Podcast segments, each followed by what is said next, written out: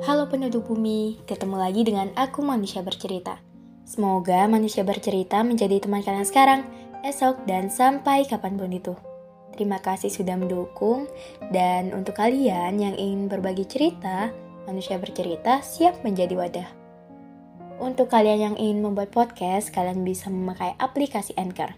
Aplikasi yang mempermudah kalian untuk membuat podcast, dan aplikasi ternyaman untuk menjadi rumah podcast cerita dan kisah. Jadi, bagaimana hari ini?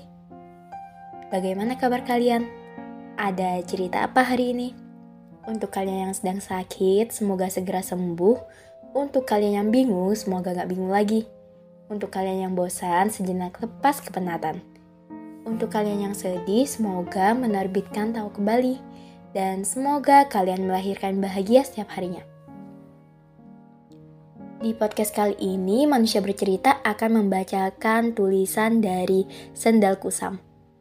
Oh iya, untuk kalian yang ingin berbagi cerita, berbagi tulisan, kalian bisa langsung saja kirimkan ke email podcastmanusiabercerita at gmail.com atau langsung saja uh, datang ke Instagramnya Manusia Bercerita yaitu podcast Manusia Bercerita.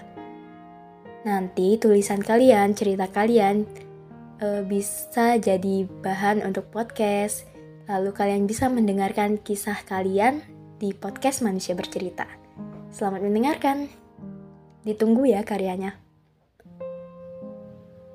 Bagian pertama. Tugasku hanya mencintaimu. Barangkali jatuh suka itu sederhana.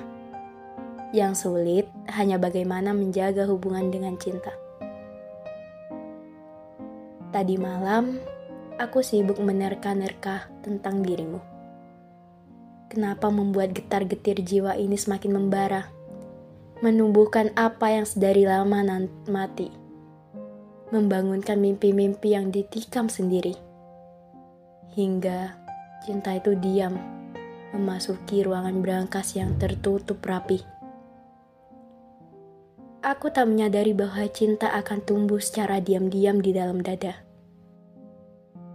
ia perempuan sederhana. Menyukai playlist Sela on Seven. Tingginya hanya 160 cm. Tak menyukai film One Piece sepertiku. Namun, puisiku tiba-tiba menjadi dirimu. Datang dari Sukma, menjalar menuju kepala, hingga membuat proyeksi menggunakan retina. Apakah kamu bagian dari inti jiwa? Kurasa tidak sepenuhnya benar. Hanya aku saja yang terang-terangan menduga. Sebab kamu datang sebagai teman. Hanya aku yang membuatmu menjadi harapan. Harapan itu aku bangun sendiri dengan usaha, tenaga, dan raga.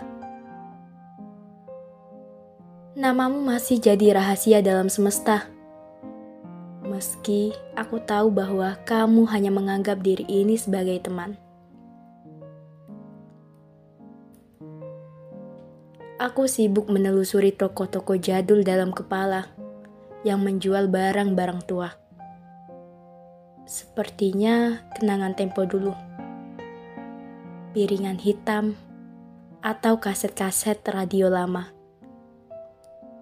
Termasuk bingkisan wajahmu yang indah kala itu. Tersimpan rapi dalam tumpukan rak yang mulai berdebu. Hingga semakin malam, aku masih duduk sendirian di teras depan rumah mendengarkan lagu-lagu yang membuat candu, seperti Payung Teduh ataupun Banda Neira. Membuka aplikasi galeri, mencari foto. Foto dirimu sebagai objek puisi malam itu. Apakah diriku menerindu kamu? Atau memang aku yang tidak bisa lepas dari bayangan nadi dirimu. Aku hanya bisa mendoakan serupa angin yang membawa udara, serupa hujan yang membawa air, hingga serupa tanah-tanah yang menjadi tempat tumbuhan untuk hidup dan abadi.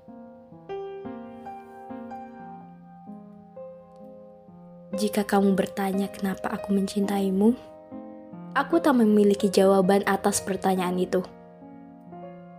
Sebab aku hanya bisa melaksanakan tugas dari Sang Pencipta.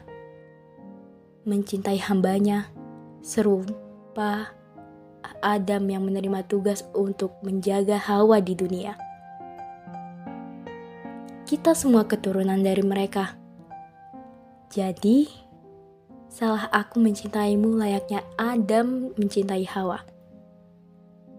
Atau seperti kisah romansa Rama dan Sinta.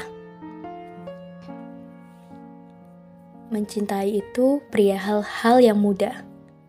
Yang sulit itu berusaha menjaga tetap sejalan dengan semesta. Seumpama jemari yang dibuat oleh Tuhan untuk saling menggenggam, melindungi dari ancaman, menjaga jika diperlukan. Kamu percaya bahwa takdir dan cinta itu akan bergerak sendiri, menuntun kita menuju apa yang sebenarnya kita butuhkan, mencari jalan meski harus bertemu dengan jalan terjal berliku, ataupun naik turun. Tetapi Tuhan akan selalu menolong hambanya, meskipun ia tak meminta. Datang sebagai kompo, kompas penunjuk arah, lentera cahaya di tengah-tengah kehampaan. Oh iya, aku tak pandai berbicara. Namun, kali ini kamu harus tahu bahwa laki-laki ini dari lama telah jatuh hati sejak jumpa pertama kala itu. Senyum manismu masih tertinggal di sudut kepala ini. Sesekali aku membukanya hingga aku membuat kode akses dari namamu. Namamu singkat, padat, dan jelas. Tetapi sering kali membekas.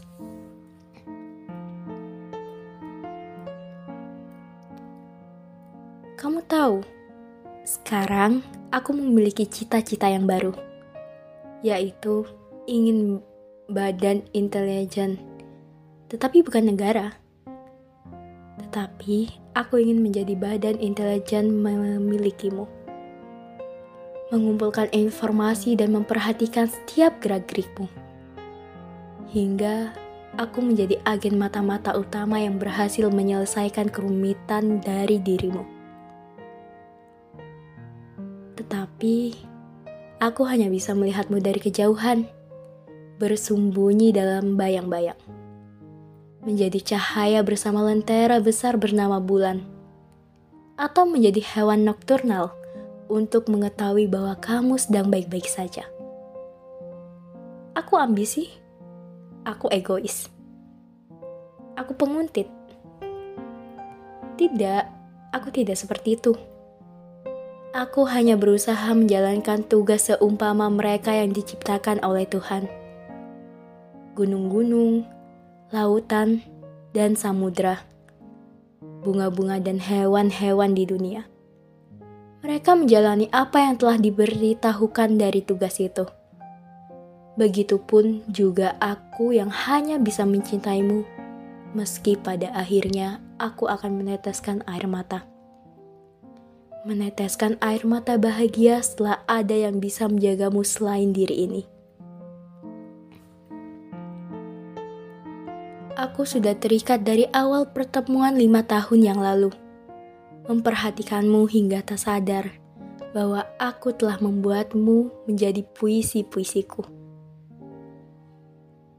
aku dan perkataan yang membekas tentang mencintai, seperti air-air yang turun dari langit, dan pada akhirnya akan kembali menguap ke tempat di mana ia berada.